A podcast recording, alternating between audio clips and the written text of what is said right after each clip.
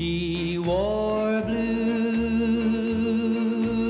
velvet, bluer than velvet was the night, softer than satin was the light from the stars. Heil og sæl, kærlustendur. Ég heiti Halla Harðardóttir og stýri við sjá í dag, mánudaginn 8. januar.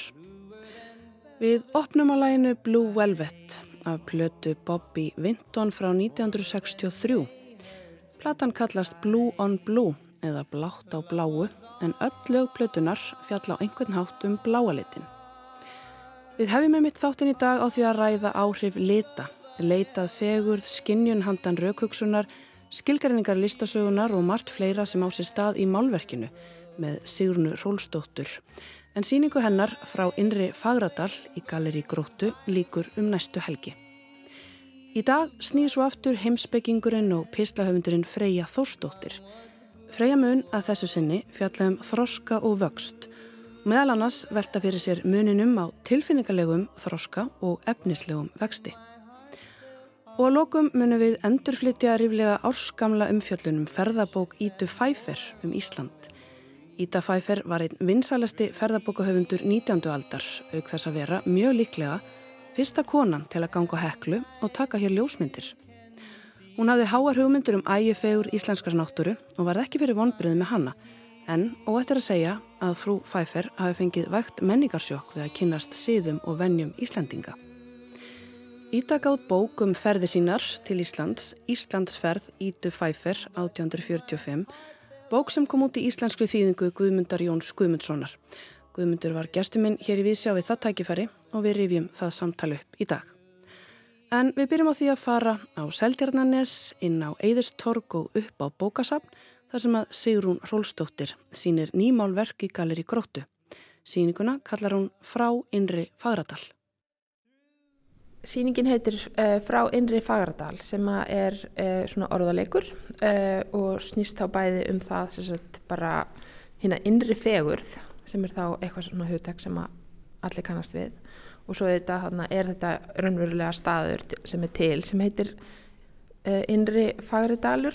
Og ég tengist þessum stað vegna þess að afi minn fættist þarna og bara þessi heiti hefur einhvern veginn svona að lifa með mér gegnum tíðina af því að Uh, já, ég hef alltaf bara vitað um hennar stað og svo er ég búin að vera að skoða í minni listsköpun núna undanfarið uh, bara og hugsa um bara hvað er það sem er að hafa áhrif í heiminum. Og ég held að það sé alveg ótrúlega mikið mikil áhrif uh, sem er þessi stað sem eru þetta eins og við vitum kannski svona handan raukhugsunarinnar og, og það er kannski þessi svona fagurfræðilega skinnjun sem að bara held ég stjórnar ótrúlega miklu í heiminum og bara svona hverju, hvernig fólk einhvern veginn svona navigerar í gegnum lífið uh, á, byggt bara á allir þessum ákvörðunum sem að í rauninni þessi fagurfræðilegi eiginleikin er að taka, eða við erum að taka. Og um, suma þessum verkum hérna uh, heita eftir efnum sem eru í líkamannum sem að stjórna svona hvernig okkur líður eins og serotonín og uh, oxytocin og er, þetta eru svona orð sem fólk kannski kannast við að því þetta er líka bara, ég held að fólk sé bara að pæla miklu meira í þessu núna, þessu samspilið þessara efna. Um, þannig að já, það er kannski líka einmitt þessi innri fegur byggist svolítið á því, þessi samspilið efnana og svo eru við með hérna auðvitað einhver, einhver svona e, yfirborslega fegurð af mínu mati þegar mér er það málverk bara svona einhverju litir sem að er búið að blanda saman og setja á eitthvað flöt. Og, og svo er það bara þannig að þetta er alveg galdur að sko þegar ég til dæmis er að gera svona málverk þá byrja ég bara að setja eitthvað svona niður og leifi síðan akkurat þessari þessum fagfræðilega eiginleika bara svona að stjórna. Og uh, og svo finnst mér ofta þessi málverk alveg rosalega ljót framan af og ég eitthvað svona held áfram að setja eitthvað meira og gera eitthvað meira og svo allt í hennu bara byrjaði að verða falleg og ég byrja að tengja við þau og ég finn hvernig svona þessi svona um, undirmeðutundar vinna er einhvern veginn búin að leiða mig áfram og, og ég auðvitað í samstarfi við þessi efni þá uh, bæði mín efni sem er það mínu líkama og svo efnin bara sem er þá strígin og mál, málingin og penslarnir. Þetta er einhvern veginn að leiða, leiða til eitthvað svona samstarfs og, og eitthvað góðra niðurstu og það er bara ótrúlega skemmtilegt verðli Já, ég trúi því. Þú trúir því þá heyrist mér að ytra rými og bara umhverfu okkar hafi mikil áhrif á okkar innra landslag, ekki satt? Já, jú, ég algjörlega og, og þess vegna eru þetta listsköpun bara eitthvað sem, er bara í hverju manni. Það er eitthvað svona sköpunarkraftur og við erum alltaf að reyna að búa til eitthvað fallegt og það hefur auðvitað áhrif á hvernig okkur líður andlega og þetta er auðvitað bara allt svona samtengt en líka bara svona hvernig við hérna, hvernig maður skapar bara sjálfan sig og hvernig manni vill vera líða innra með sér. Það er auðvitað líka ákveðin sköpun. Mm -hmm. og það skiptir alltaf máli að, að þú veist reynur svolítið að taka stjórnina en kannski ekki alveg að taka stjórnina en heldur líka bara að svona taka ákverðin um að maður ætli að skapa einhvers konar innri fegurð. Ég held að það sé mjög bara nöðsulegt sko. Ummitt, mér finnst áhverð þegar hún segir að fyrst hafa verkin verið ljót en þú hafa fengið þess að þörf fyrir að reyna að fegra þau og endanum hafiru að þínum mati fundið ykkur að fegurð. Þetta er allt mjög huglegt en uh, það eru þetta ekki allar listamenn sem vilja leita að fegurðinni. Nei, ég held að þetta orð hafi nú verið kannski líka svona já, ég, við held samt að allir sé alltaf að hugsa um einhverja fegurð en þetta er kannski svona orð sem er kannski ekki búið að vera mikið notað í postmodernismannum mm og auðvitað er þetta eins og þú segir, þetta er allt saman uh, veist, þetta er smekkur og hann er personubundinn og, og það er erfitt að, að mæla þetta og það er erfitt að leggja eitthvað svona mat á þetta út frá einhverjum svona mælikvörðum. En samt sem aður þá er þetta mjög raunverulegt mm -hmm. og allir vita að þeir horfa á eitthvað og þeir geta valið á milli og nei þetta finnst mér betur en þetta. Og allir þekkja svona hvernig þetta virkar í þeim og ég held samt að þó svo að myndlistamenn noti kannski ekki orði fegur þá eru þetta allir myndlistamenn alltaf að vinna með svona þessa sjónrennu, þessi sjónrennu áhrif. Og svo er þetta ofsalega mikið konsept og það er alls konar eitthvað pólitík og það er fólk er að tala um umhverfsmál eða ég veit ekki. Mm -hmm. allt mögulegt auðvitað eins og við þekkjum. En, en alltaf er samt þessi undirliggjandi svona ríkjandi held ég tilfinning að, að þú þart að setja eitthvað fram sem að þið fellu við sjónrænt og þá skiptir auðvitað þessi hérna fagfræðilega þekking mjög miklu máli. Mm -hmm. Ummitt og þetta er það bara afstætt hvað er fegurð þetta. En uh, sem betur fer. Já, sem betur fer. Sem betur fer er það ekki einhver ein lína í gangi. Þetta er mjög gott að þetta er mjög fjölbreytt. En mér langaði að spyrja það út í þessar skilgreiningar og fyrst við erum að tala um skilgreiningar á fegurð að því að þú talar um það í hérna síningateksta að þessi verk séu kvorki figuratív nýja abstrakt sumur myndu kannski segja að það var eitthvað abstraktir í gangi hvernig hefur að tala um það? Já, um, sko ég held að þessar skilgrinningar raunsætt eða abstrakt þær séu kannski úr sig gengnar út af því að með svona nútíma tækni að þá eru við bara vöna að sjá alls konar abstrakt hluti en þeir eru samt myndir af raunveruleika. Þá er ég að tala um að, að veist, það, það hefur verið að sína okkur myndir úr utan úr gemnum eða þá innan úr líkama eða innan úr einhverjum svona pínulillum bygg, uh, byggingareiningum raunveruleikans. Og þetta er auðvitað bara abstrakt í rauninni af því að þetta er eitthvað ekki hlutbundið með að við svona hvað mannsjónin getur numið. En við erum alveg samþykjað þessa myndir og bara já, einmitt, þetta er myndafrumum eða eitthvað svona. Og það er bara já og þá er, þá er þessar skilgrinningan komnar á eitthvað flott um, en síðan er líka held ég mannshugurinn alltaf að reyna að sjá eitthvað sem hann þekkir. Þannig að það er líka svolítið gaman þegar maður er að mála svona myndir eins og þessar sem maður er hér. Oft þegar ég er að gera eitthvað og ég fyrir að sjá eitthvað út úr þeim skilur eitthvað svona sem maður er eins og blóm eða andlit eða ég veit ekki hvað þá fer ég tilbaka og reynir einhvern veginn að afmáð það. Mm -hmm.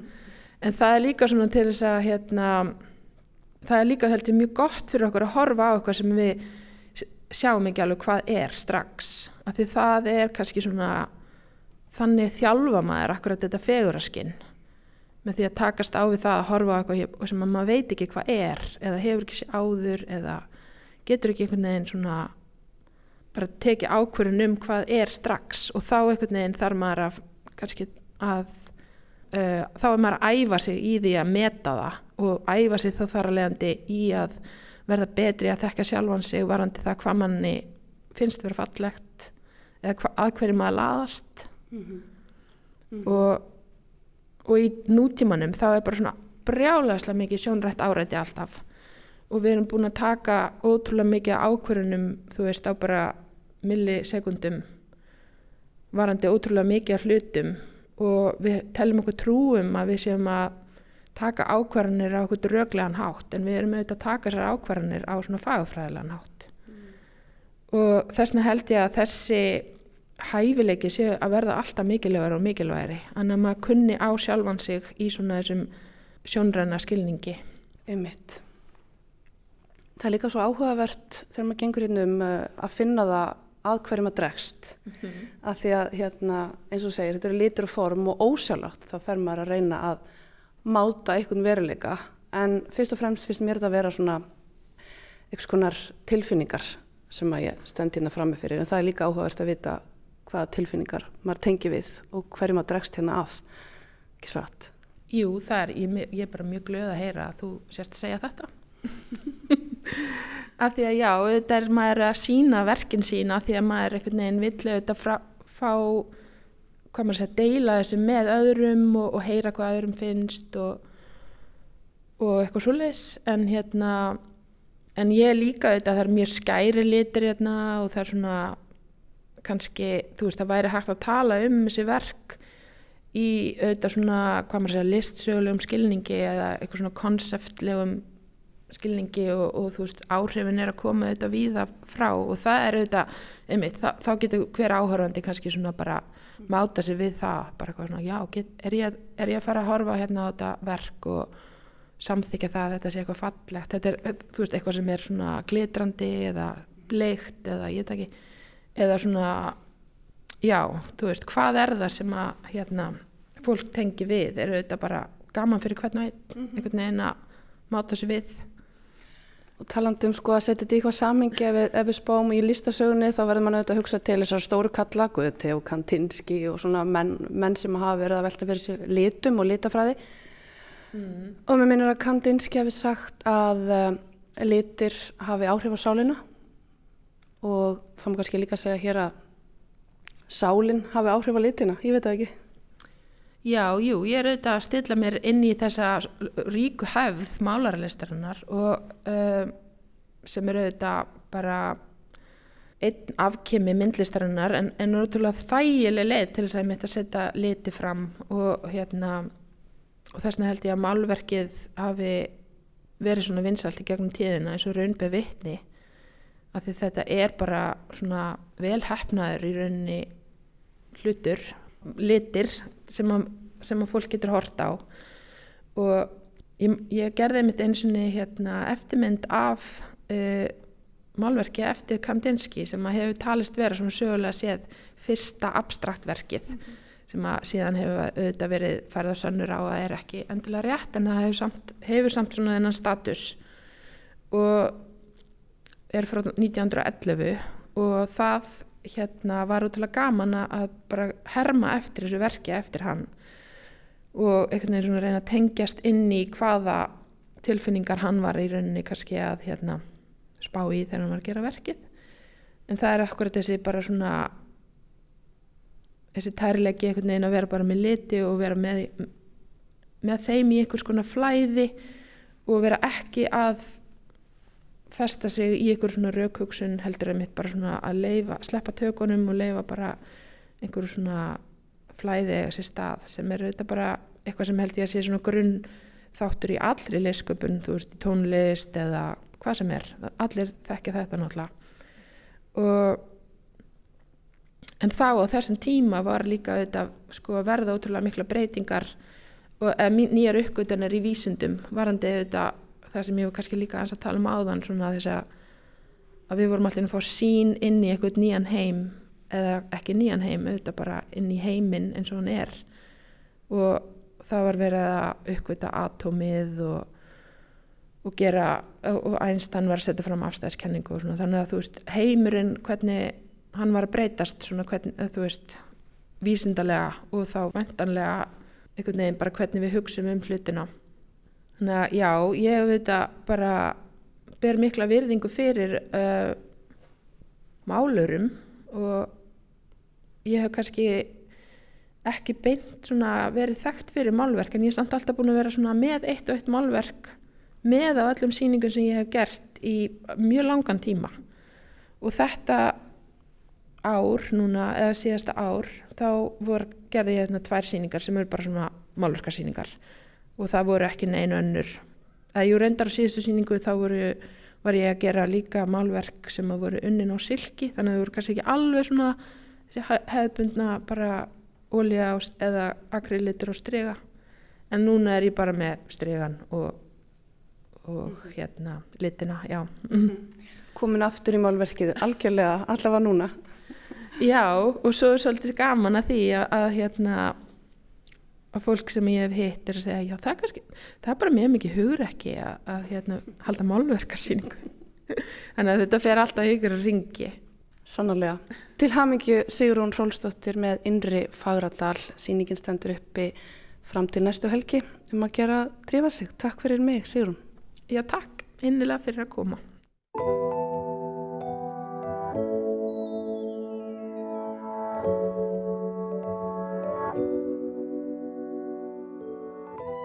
Síning Sigrunar Rólstóttur frá Inri Fagradal stendur uppi í Galeri Gróttu á Eðistorki fram á næsta lögadag 13. januar. Og úr vangaveltum um málverkið, fegurðina og áhrif lita höldum við inn í enn frekari vangaveltur.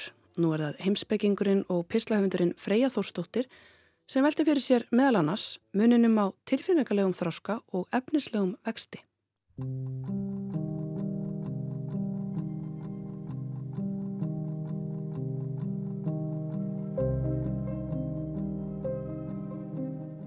Hluti af því að þroskast er að sjá guði rapa af stöllum og heimsmyndi rinja.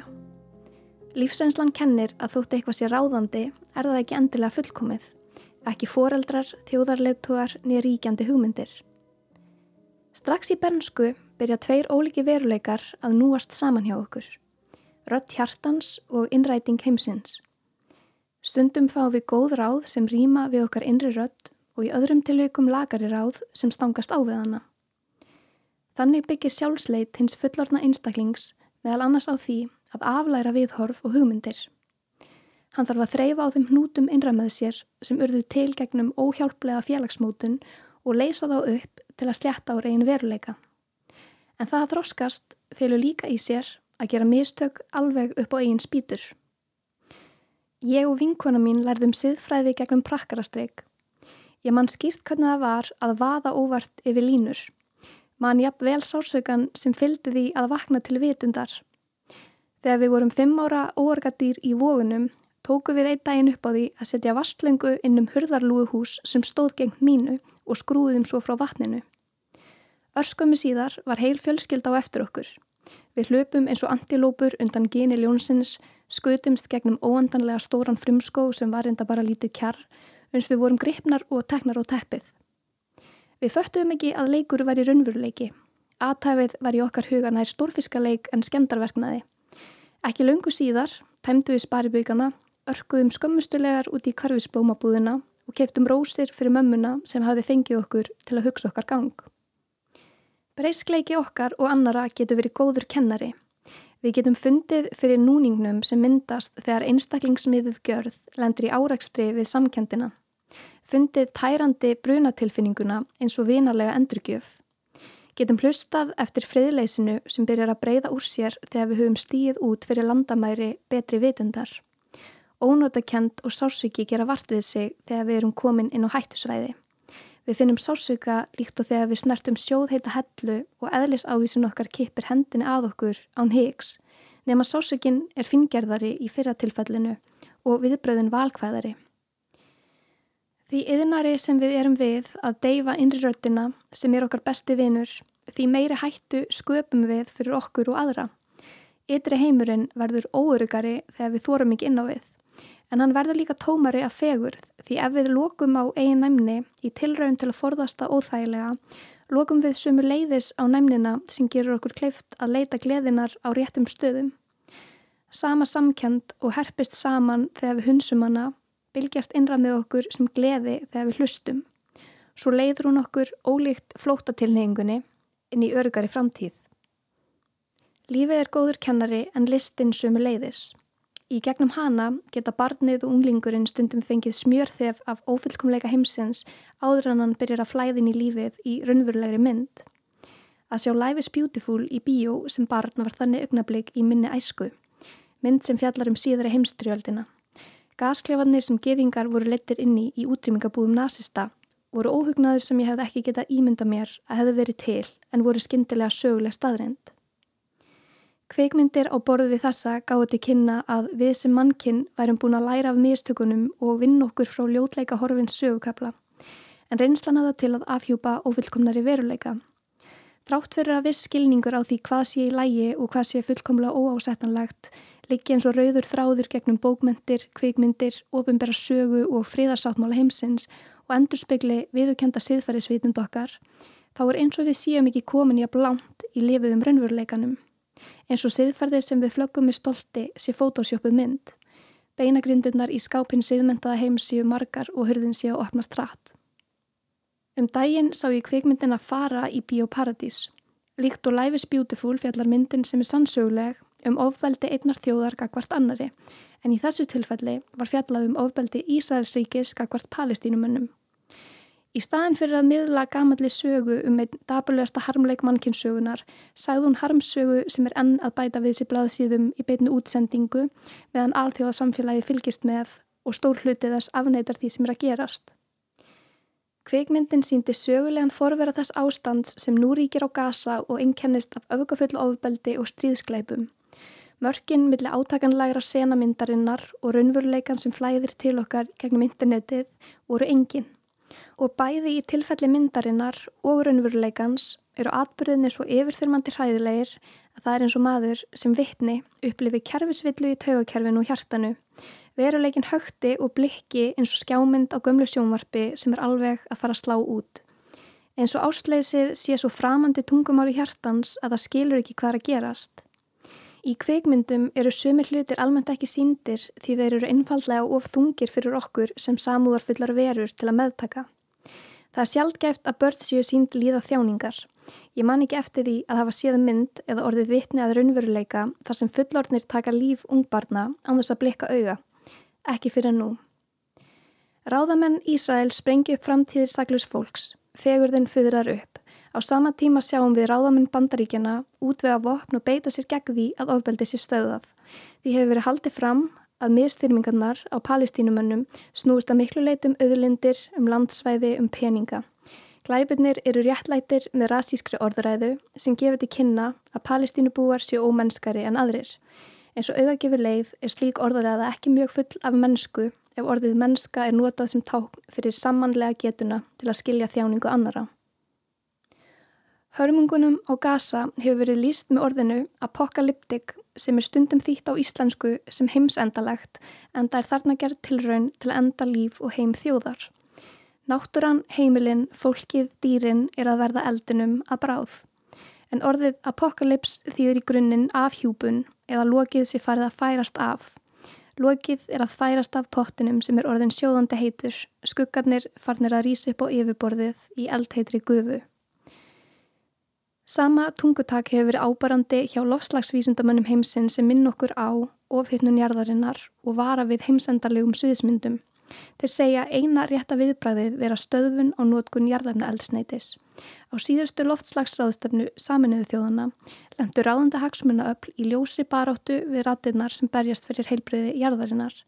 Þó svo að ákveðin árangur hafi náðust á ráðstöfnunni bentu margir vísnamenn á að nú hafi með óeikjanda hætti orðið ljóst að þeir sem græða á bruna jarðefna eldsneitis muni ekki hætta starfseminni og tilneittir þrátt fyrir að vísindin síni að það sé nöðsinn til að bjarga plánutinni frá óafturkræfum skada.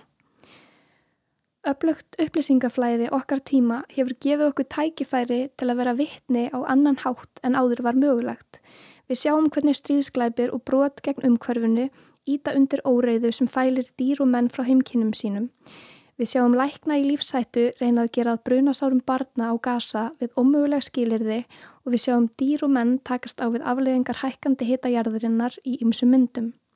Okkur býðst að meðtaka raunveruleika sem við vildum helst að væri ekki hér.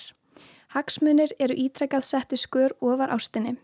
Við sjáum að völdur ekki viska og sá sem hefur þau, hefur þau ekki vegna þess að þann er hugljómið vera. Raunar er líklægra að þessu sé öfugt farið í valdaskipulagi nútímans, þar sem völd tengjast efnislegum vexti sterkari böndum en andlegum. Stríð eru háð fyrir aukin hagvöxt en þroski hjartans situr á hakanum.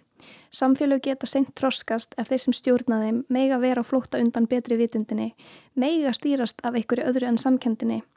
Þá eru dýrmæti í eigu allra dreyin með inn í myrkrið. Þetta er ekki spurning um að sumi séu vondir og aðrir góðir, enda eru við flest bara briskar mannverur.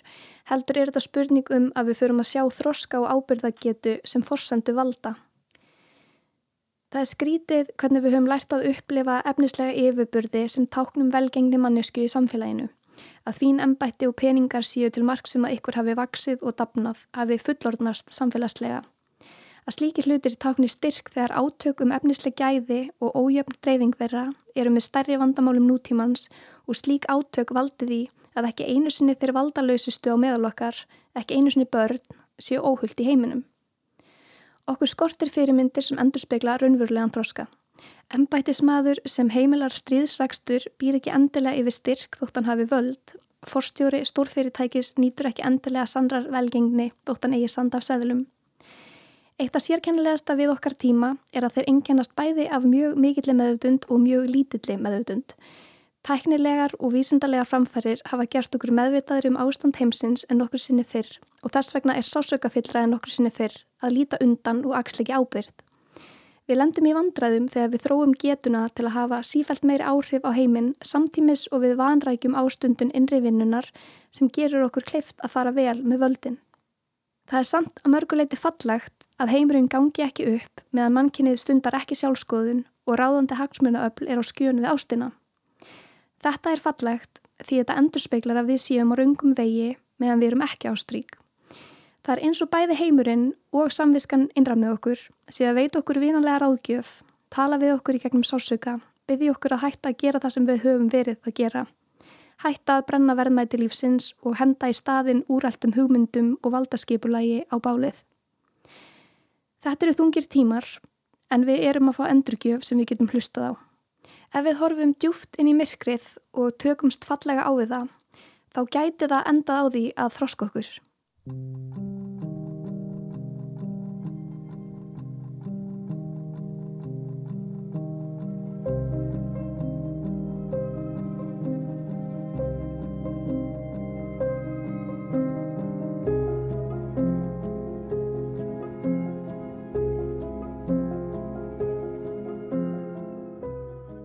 Freyja Þórsdóttir, heimsbyggingur, velti hér fyrir sér vexti og þróska manneskunar í heimi þar sem að ofur áhersla verðist oft vera á efnislegan vöxt. En úr slíkum pælingum höldum við á allt aðrar slóðir og veltum fyrir okkur Íslandi um miðja 19. öld eða hvernig það kom þýskum ferðalongi fyrir sjónir. Íta Pfeiffer var einn vinsalasti ferðabókahöfundur 19. aldar auk þess að vera mjög líklega fyrsta konan til að ganga á heklu og taka hér ljósmyndir. Ítaka át bók um ferði sínar, Íslandsferð Ítu Fæfer 1845, bók sem kom út í íslenskri þýðingu Guðmundar Jóns Guðmundssonar. Guðmundur var gestur minn hér í viðsjá við það tækifari og við skulum rifja samtalið upp.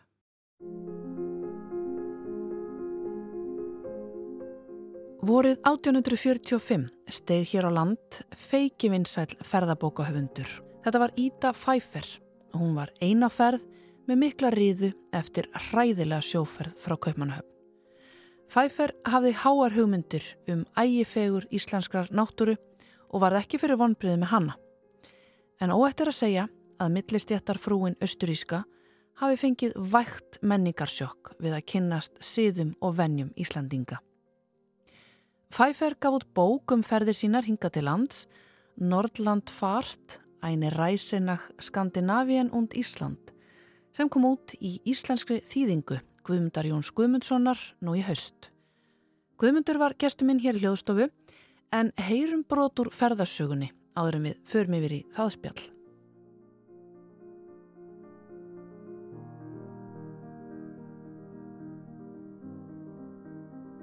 Íslendingar eru mestu erki sóðar, bókstaflega viðbjóslegir.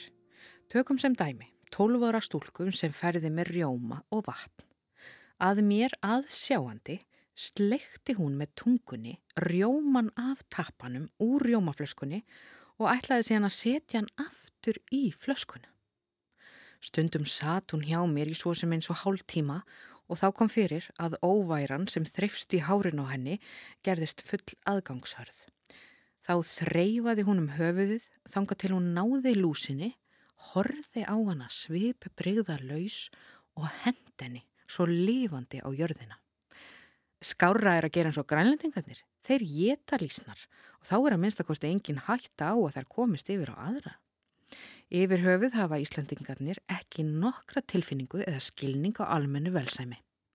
Ef ég ætti að segja frá öllum viðbjóðnum sem að ég varð vitni að, myndi það fylla margar blaðsýður. Ég skil ekki með nokkru móti að þessi þjóð hafi eitthvað tíma verið höfð í hávegum fyrir hugrekki og menningu. Ég tel til dæmis velsæmistilfinningu Íslandinga mun lakari en betuína eða araba.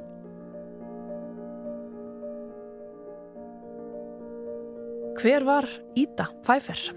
Ída Pfeiffer var stórmerkileg kona á 19. öldinni. Hún er uppi á fyrir hluta 19. aldar. Það er rétt, um, rétt fyrir 1860. Hún er austuríkismæður og hérna fekk svona nokkuð óhefbundið uppeldi. Já, hún var ein af, af, af, í, í hópi bræðra og klætti sig sagt, í strákafött fram eftir öllum aldri og slóst við bræðu sína vist eins og enginn var í morgundagurinn og þetta átt nú öruglega eftir að hafa áhrif á, á sagt, hennar framgöngu því að hún hérna eins og ég held að Þorvaldur Tórótsen komist þannig að orði að hún hafi verið Karlmanns ígildi og, og hérna og haft hug og dug eins og, eins og Karlmaður. Það var líka eins gott því að sagt, hún náttúrulega átti svona tiltölulega venjulega æfi framan af, hún gekk að eiga lögfræðing, nokkuð eldri en, en hún var. Missir hann þegar hún er já, á 50 aldri og þá leggst hún í ferðalög. Þá eru sinnirennarordnir uh, upp, uppkomnir og þá leggst hún í ferðalög. Og fyrsta ferðin þá segist hún alltaf hitta vinkonu sína í Istanbul en það var nú lítið úr því því að hún fór beinalið til Sýrlands og, og hérna og ferðaðist um Sýrland og landið Helga og Egiptaland og, og víðar. Og síðan hafði hún það sem, sem reglus, hún skrifaði ferðabækur um uh, sínar ferðir og þær voru allar saman mjög vinsælar, þær seldust í stórum upplöfum og svo notaði hún peningana til að fara í næstu ferð. Einmitt. Og afraksturinn af þessari ferð til hérna miðaustulanda, að það er svo ferðin til Íslands. Mm -hmm. Hún kallar þetta reynda Norðurlanda ferð en uh, markmið var fyrst og fremst að koma til Íslands. Hún sapnar fyrir þessari ferð. Er hún, sagt, úr hvaða umhverju kemur hún? Er hún ekki efristjættakona? Hún er svona millistjættakona. Mm. Hún er svona millistjættakona. Hún, hún, hún að vísu fekk, fekk góðan, góðan móðurarf en, en það dugði náttúrulega ekki til svona ferðalaga. Nei. Og það sem er alltaf merkilegt við þessi ferðalög hjá henni er það að hún svona einlega ferðast eins og eins og svona budget ferðalangur á, í nútímanum. Einmitt. Hérna á þessum tíma þá voru svona ferðalög, þetta var ekki að ferði á, á, á ekki nefnum fyrir auðkýfinga eða, eða aðalsmenn sem voru þá á vegum einhverja stopnan alltaf eins og þegar Guy Mard, að því hann kemur nú við sögu hjá, hjá Ídu mm -hmm. í bókinni, þegar hann er hérna sko þá er hann með heilan, heilan, heilan, heilan leiðangur með sér sko. Já, þetta voru oftast aðalsmenn sem voru hlutu partur af einhverjum klúb og svona, Já, nákvæmlega. Já. En hún er það ekki, hún fer einn, hún kemur hingað einn á báti og, og ferðast um einn með, með sínum leðsögumanni. Einmitt, og blandar geði við alls konar fólk. Hún er nú hjá okkur efrist þetta fólki að hann í Hafnafjörði þegar hún kemur. Já, Knútsson, já, já, kaupmaður, hann er, hann er svona einn af, einn af ríkari kaupmannum landsins, jú, jú, hún er, hún, en hún er þar ekki nema, nema dagstund, sko, svo mm -hmm. þýtur hún til Reykjavíkur. Mm -hmm. og, og þar býr hún hjá, hjá hérna, Bernhöft, bakara, sem þá er búin að koma sér fyrir í bakarabrekkunni og, og hérna er hjá honum, er hjá honum, dvelst hjá honum meðan hann er í Reykjavík. Mm -hmm. Svo það gegnum misjaflega hjá henni skilst mér að, að, að, að ná sambandi við efristjettina hérna í, í Reykjavík og var nú kannski ekki vel tekið á mótenni eftir því að henni fannst. Það hljómar eins og fólk hafa verið aldrei lokað eða svona varbergi. Já, já, ég, mm -hmm. það, já það er ekki ótrúlegt að því að það er náttúrulega sko Sveinbjörn Hallgrímsson mm. uh, rittstjóri hann segir frá því í, í blæðinu í gólfi minni mig að sko hún hafi orðið minnistæð þeim sem að hitta hana mm. hvað það þýðir veit maður nú ekki alveg að nú hægt að leggja ímsa merking, merkingu í það Já, einmitt Kanski fyrir að vera kona, kannski fyrir að vera sérstök, hvað vitum við? Já, hvað vitum við, það er, það er nú málið En svo ferðast hún, vitt og breytt og, og gistir einmitt í kirkjum og kótbílum Já, aðalega kirkjum, hún reyndi nú að komast hjá því að gista í kvotunum út af sóðaskapnum. Það eru svakalega lýsingar. Alveg rosalegar og ég held að, held að sko, ég held að þetta sé alveg hárrétt hjá henni. Já. Ég hef grunum það að, að sé ekki, hún sé ekkert að íkja. Hún leggur mitt mikið upp úr því að sko sannfara lesandunum það að hún sé ekki, hún, lí, hún lígur ekki og hún íkjur ekki eins og margir karlmenn virðast gera, segir hún. Já, já, já, já, hún, hún hérna sko, hún er Sumir ferðalangar eiga til að krytta og íkja en hún gerir það sko ekki. Já, allavega segir hún það og, og hérna ég held að þetta sé nú alveg raun að hefa lýsingar hjá henni þó svakalega séu svona minnst ást á köplum. Það var erfiðara fyrir mig að venjast matnum en sólaljósinu. Maturinn sem bakrafrúinni framreiti var að dönskum og íslenskum smekk sem er því miður gjör ólíkur því sem ég átti að venjast. Aðeins eitt var gott morgunkaffi með rjóma. Jábel vandlátasti matgæðingur hefði ekki geta fundið neitt að því. Ég hef heldur aldrei fengið slíkt kaffi eftir að ég sildi frá Íslandi. Ég vildi að þið ágætu vínarkonur hefðu geta verið hér með mér. Rjómin var svo þykkur að þegar ég fjekk hann fyrst held ég að þau hefðu miskilið mig og komið með súran rjóma. Smjörið sem kemur úr íslensku kúnum og kindunum lítur ekki vel út Það er ljóst eins og svínafeiti en bragðast vel og er sætt. Íslendingum finnst það hins vega bragðlítið og blanda út í það lísi. Lísi er snar þáttur í íslenskri matagerð. Íslenskir bændur hafa það í hávegum og smyrja brauð og annað í þeim dúr með því. Og hún er að mörgu leiti eins og bladamadur. Þetta er svona bladamennsku stíl á þessu hjá henni. Hún svona segir frá því sem hún sér og heyrir og, mm -hmm. og skinnja og segir frá skinnjunum sínum en hún fer ekkit voðalega djúft í, í hlutina. Þetta er svona, svona bladamannastýl. Emmitt og hún hefur áhuga, svona, hún er með svona mannfræði áhuga. Hún hefur áhuga á fólki og svona siðum og vennjum og hýpilum frekar hann heldur en kannski sög og vísindum. Já, já og hér hrettur um að það eigi sinn þátt í því hvað hefur lítið verið verið látið með náttúrulega fyrir utan lýsingarnar á, á, á okkur á, á þessum tíma og, og hérna ég held að, held að það sé nú kannski eina af ástæðanum fyrir því hvað hún hefur verið hundsuð að, að hérna hún er ekkit upprifin yfir Íslandingasögunum eða neina slíku, hún verist ekkit bara hreinlega að vita af þeim sem er alltaf merkilegt. Emmitt. En hvað ætlaði að hafa verið sem að svona dróana til landsins? Það, er, það kemur eiginlega ekki fram. Jú, það kemur nú fram sko aftast í bókinni, þá segir hún að hún hafi náttúrulega heillast af náttúrunni mm -hmm. og búist í stórkostleiri náttúru og þar var hún ekki fyrir vonbreðum. Nei, ég veldi fyrir mér hvar hún hafi fengið þessar upplýsingar. Hún verðist hafa lesið þetta, hún, hún segir frá því einhvern staðar að hún hafi lesið sko uh, fullt af ferðabókum mm. og heillast af lýsingum á landinu í þeim mm.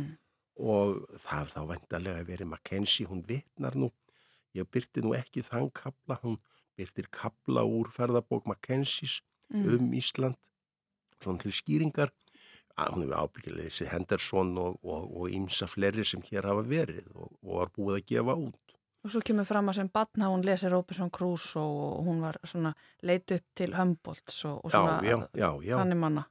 Þeir eru, þeir eru, hún er, hún er, hún er vinkona Humboldt sko, Já, hvorki meirinni minna og, og sko hún er mjög mikilsvirt á þessum tíma því að hún er félagi í landfræðifélagin í Berlín og, ýmsum svona vísindafélög. Og hún er sko, hennar mikla áhuga máli er náttúrulega mannfræðin og, og, og bara íbúar landana eins og þau eru núna og svo náttúran. Mm Eh, En hún er náttúrulega, það sá er ljóður á að hún er að mestu leiti sjálf mentuð. Hún fær litla formlega mentun, sjálfsagt eins og stúlkur gerða á þessum tíma. Það kemur þó fram að hún talar frönsku og, og, hérna, og ítölsku held ég -hmm. og, og svo lærir hún, lærir hún dönsku áður en hún fer til Íslands og, og, og getur, getur náð sambandi við fólk, hún getur talað við fólk. Einmitt. Það kemur þarna fram í kaplanum þegar hún hittir dætur Pál Smelsteð. Þá spjalla það saman á, á dönsku og, Einmitt. og, og hún skilst alveg, það er, það er alveg, alveg mo- morgunljóst. Já. En hún er með þessa svona, uh, þessa rómatísku sína náttúruna. Hún er svona þetta ægifagra og, og svona. já. Og þetta, þetta, þetta háleita. Þetta, og, og, já, já. Og hún hrefst ekkit síður að finna ókvænlega sko heldur en, heldur en hennu fagra. Það er Akkurat. til dæmis eins og lýsingina þegar hún fer niður almanakjá. Mm Það er að hún er ansi, ansi mögnuð sko. Akkurat. Og þegar hún horfir frá heklu yfir. Yfir, yfir landsverðland. En hún er ekki alveg að prifina svona fólkin í landinu eða þessum kotbændum sem henni finnst bara harla ógeðslegir. Hún er svona auðvitað komin úr ykkur svona aðeins fýtna umhverfi frá Vínaborg og, og verður svona hugsað hugsað til hérna vina sinna í Vínaborg að þið nú bara sæju það sem er hér í gangi. Já, já, það, ég, þetta er, þetta er alveg, alveg forkostulega lýsingar, það er nú bara að segjast eins og er. Ég held að, en eins og ég segi, ég er alveg samfærður um að þetta er svona nokkuð nærri sanni. En heldur það sé þess vegna einmitt að, einmitt að hún hafi ekki fengið þessa mikla aðtekli eins og aðri ferðabókuhöfundar kannski að hún er kona og kannski að því að hún er í rauninu bara móðg okkur. Já, með, já, það er alveg augljóst mál að, að Þorvaldur Tóruðsson í lýsingu hans í, í hérna, fjórðabindi landfræðisögunar, Mm. að þá bara, þá tekur hann þykjuna upp fyrir Íslendinga Mm. og, og hérna, Og talaði aldrei niður til hennar. já, já, heldur betur Mhm. og, og, og lígur upp á hana, sko. Já. Já, já, hann segir að hún hafi verið mállaus sem er ekki, því að hún, við vitum það að hún talaði dönsku og, Mhm. og, og, og gat, gett sér skiljanlega og skilið dönsku og svo segir hún sko að, Ísland, að hún haldi að Ísland hafi orðið til um það leiti sem Vesúvíus gaus þarna hvað 70 og, og eitt tvö fyrir eftir Krist Einmitt. og þe- þetta, þetta er hvergi nokkur staðar í þeim texta sem, að, sem að ég hef séð sko. Nei, merkilegt. En þessi lýsingarnar á sko ferðarleginu landið og hvernig hún kemur þarna sjóleiðina og verður hræðilega sjóvik. Þetta er auðvitað bara hryllilegt ferðalag. Kemur svo til Reykjavíkur og fer í þessar dagsferðir og, og fer að veiða lags og í piknik með fólki, fer í svona... Já, já, Og þetta virðist allt vera svolítið svona, já, hún upplifir bæði þessa heldri borgarastemningu og svo þessa kotbílistemningu. já, fá, fátæktina sko. Já. Ég neytist til að eigða nóttinni í koti. Þau voru þrjú í Kalmanstungu en engin kirkja. Ég var heppin því eitt koti var starra og snirtilegra en venjan var. Það var jafnvel hægt að kalla það bóndabæ. Fólki var líka svo hugulsamt að það hafi gert sitt besta til að þrýfa áður en ég kom. Litla herbyggi mitt var um 11 fet á lengt og 7 feta breytt. Glugginn var svo lítill og skítugur að þótt sólinn skini glatt sá ég ekki til að skrifa. Veggirni voru viðarklættir og jafnvel gólfið líka sem er munaður í landi sem er svo snöytt af trjám. Innrættingarnar samanstóðu að breyðurúmi, tveimur kistum og litlu borði. Fyrir íslenskum bændum eru stólar og bekkir terra inkognita. Þeir sitja á rúmunum eða á kistum. Reyndar áttaði ég mig ekki á því hvar væri hægt að koma venjulegum húsgögnum fyrir í svona litlum herbyrgjum. Húsmóði mín sem er ekki eftir gildan bonda síndi mér börnin sín. Þau voru falleg og vel klætt. Ég bað móðurina að segja mér hvað þau hétu svo ég gæti sagt þeim frá mínu heimalandi. Hún var mjög ánað með þessa beðni og sagði mér það sem hér fer á eftir. Sigriður, Guðrún, Yngibjörg og Lars. Mér hefði liðið príðilega þarna, þar sem ég er vön að búa við þrengsli, svo fremi ég hefði fengið að vera einn, en mér til skjelvingar söpnuðust allir heimamenn, svo og íbúar hinna kvotana, smám saman að mér. Sumir tróðu sér inn í herbyggið en aðrir komu sér fyrir í dýragættinni. Segja má að ég hafi verið eins konar herkvi, rétt eins og í Krísuvík. Ég var eitthvað nýtt fyrir þetta góða fólk og nú kom það á glófti á mig. Engum gerðu konurnar og börnin sér heimakomin. Þau snertu öll fötinn mín og börnin lögðu kámug andlitin í kjöldu mína. Ólektinn af fólkinu og óhreinindin voru hræðileg. Það tróð nef tópaki upp í nefið án þess að vera með vasaklút og hrekti í sífellu út um allt. Í þessum heimsóknum tók ég harðari skriftir en á lunguföstu. Ekki var heldur hjá þeim komist því ekki gæti borða matin sem í búði var. Matargerðar list íslenskra bænda samastendur af litlu öðru en harðfiski og gerjaðri mjölk sem stundum er mánadar gömul. Ör sjaldan gæða er sér á sáðunum grjónum og flatbröði sem er bakað úr fínt söksuðum íslenskum mosa. Og svo fer hún, sko, fyrsta ferðinar er um, um Reykjanes, Skagan, mm -hmm. hún fer til, til Krísuvíkur og hún verðist hafa mjög mikinn áhuga á herum og, og allu sem því við kemur, það er líka í borgarfjörðin til að skoða hverina. Mm -hmm. Og svo náttúrulega þetta stóra markmið að, að skoða heklu og ganga á heklu og og ég rekna nú fastlega með því að, að hún sé fyrsta manneskjan, fyrsta konan sem að hérna gengur á heklu. Ég rekna nú ekki með því að það hafi verið margar sem gerði það áður. Emmitt. Og uh, hún kemur hérna með uh, ljósmyndavél og tegur myndir. Já, það er nefnilega það stórmerkilega við það. Hún lærir að gera svo kalladar dagarótýpur og ég þóri nú ekki að fara út í teknilega legar vangaveltur um það en það er vist, vist meirinn að segja það að, að Þetta er reysa vel Þetta hefur verið bísna stórt mm -hmm. uh, breyk því að hún fer með þetta í koforti, hún lýsir því til lýsingar á því í bókinni hennar að, að, að hún fer með þetta í koforti og hún hefði sennilega þurft hest undir þetta ef hún hefði alltaf að taka þetta með sér þannig að mm -hmm. ég reikna ekki með því að hún hafi verið með þetta nema hérna í Reykjavík mm -hmm. og hún sem sagt hérna, tekur hér tvær myndir sem við vitum um og þær eru, sem sagt við sjáum nokkurt veginn það sem er á annari og það er, er eitt af kvotunum í Reykjavík og hvað er á hinni vitum við, vitum við ekki og þessar myndir eru til 2012 en eru sennilega glataða núna það ég hef verið að reyna að hafa upp á þeim og, mm. og mér tókst það ekki allir sem að Ég sendi tölvupósta á fólk sem ég taldi að hefði eitthvað, geti eitthvað hjálpað mér og það svaraði bara ekki. Og ég reyndi að fá þjóðmjöðsafni til að uh, það bara lítinn árangur og svo skilst mér að það sé einhverjir í auðaríkisræðundinu að reyna að hafa upp á þessu núna en En það voru til 2012? Það voru til 2012. Við eigum þessa mynd af þeim. Já, er, já.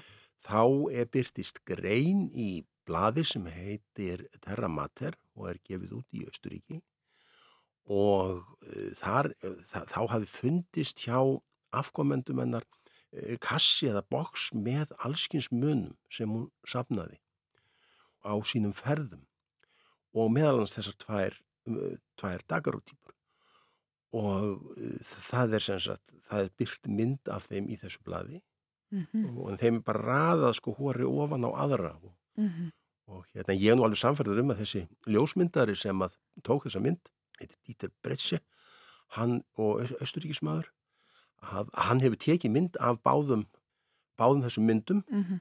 hann væri ekki starfið sinu vaksin ef hann hefði ekki gert það og þetta er örgla til í hans myndasafni en hann svaraði mér ekki þegar ég reyndi að hafa upp á honum Þannig að þetta er aðgata sem að vonandi eftir að leysast. Já, við vonum það, já. En hérna, ef við töljum svona um viðtökurnar á þessari, þessari ferðabókanar, hvernig voru þær? Vegna þess að hún var einn bara mest seldi ferðabókahöfundur Európu á þessum tíma. Já, já, hún er einn af vinsælustu og viðförlustu konum, vinsælustu ferðabókahöfundum og viðförlusta kona á sinni samtíð. Mm. Þýtt á sjö tungumál? Já, Já, já, mm -hmm. og, og, og yfirleitt farin mjög góða dóma. Ég, það var tekið fram í, í bóki, bókum mann að, að hún hefði fengið slæma dóma í, á Írlandi, ekki veit ég af hverju. að Írar, Írar, Írum var eitthvað uppsigað. Það er að mókast fyrir okkar hönd. Já, allir það ekki bara. Það hefur ekki fundist þetta viðegandi lýsingar. En að öðru leiti færum bara mjög góða dóma og, og hérna, og var mikið lesin. Mm -hmm. Og hvað kom til að þú ákvæmst að þýðan? Það var búið að þýða ykkur að glefsur úr henni, eða ekki? Jó, það er Jón Helgarsson rittstjóri. Hann gefur út lítið hver með uh, völdum köplum og útrætti úr bókinni 40, 1948 minnir mig og, og hérna svo þýðir hann Guðbrandur Jónsson, hann þýðir uh, kabla Reykjavíku kabla eða hlut af Reykjavíku kablanum fyrir bókina hérna Glöktur Gessögað eh, ég rakst hins vegar á ég, ég, ég, hérna, ég kaup með stundum tímarið sem heitir Spíkilgi Sykt og eh, eitt þeirra var um landkönnuði og ferðalanga og þar var grein um kjellinguna og ég fór að, að hérna skoða þetta betur og, og sá að þarna var skemmtilegt efni og bara dreif mig og þýtti, þýtti skrölduna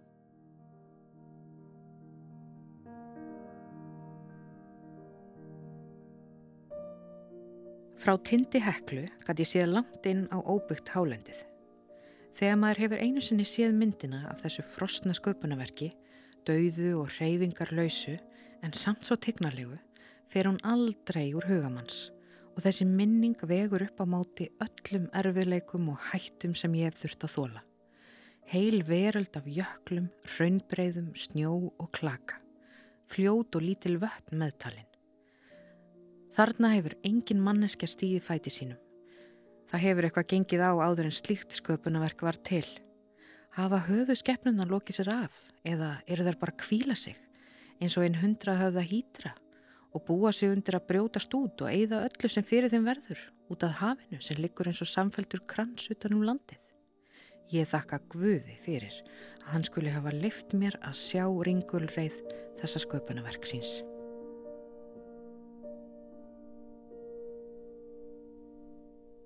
brotur ferðabók Ítu Fæfer frá 1845 en þar áður rætti ég við þýðandabókarinnar Guðmund Jón Guðmundsson sem var gesturinn minn hér í Vísjá fyrir rúmu ári síðan. Og hér líkur þætti dagsins eða hér um byll við hófumann á læginu Blue Velvet en skulum enda hann á öðru dægurlægi frá síðustu öld Pale Blue Eyes með Velvet Underground. Ég heiti Halla Harðardóttir og þakka samfélgina í dag.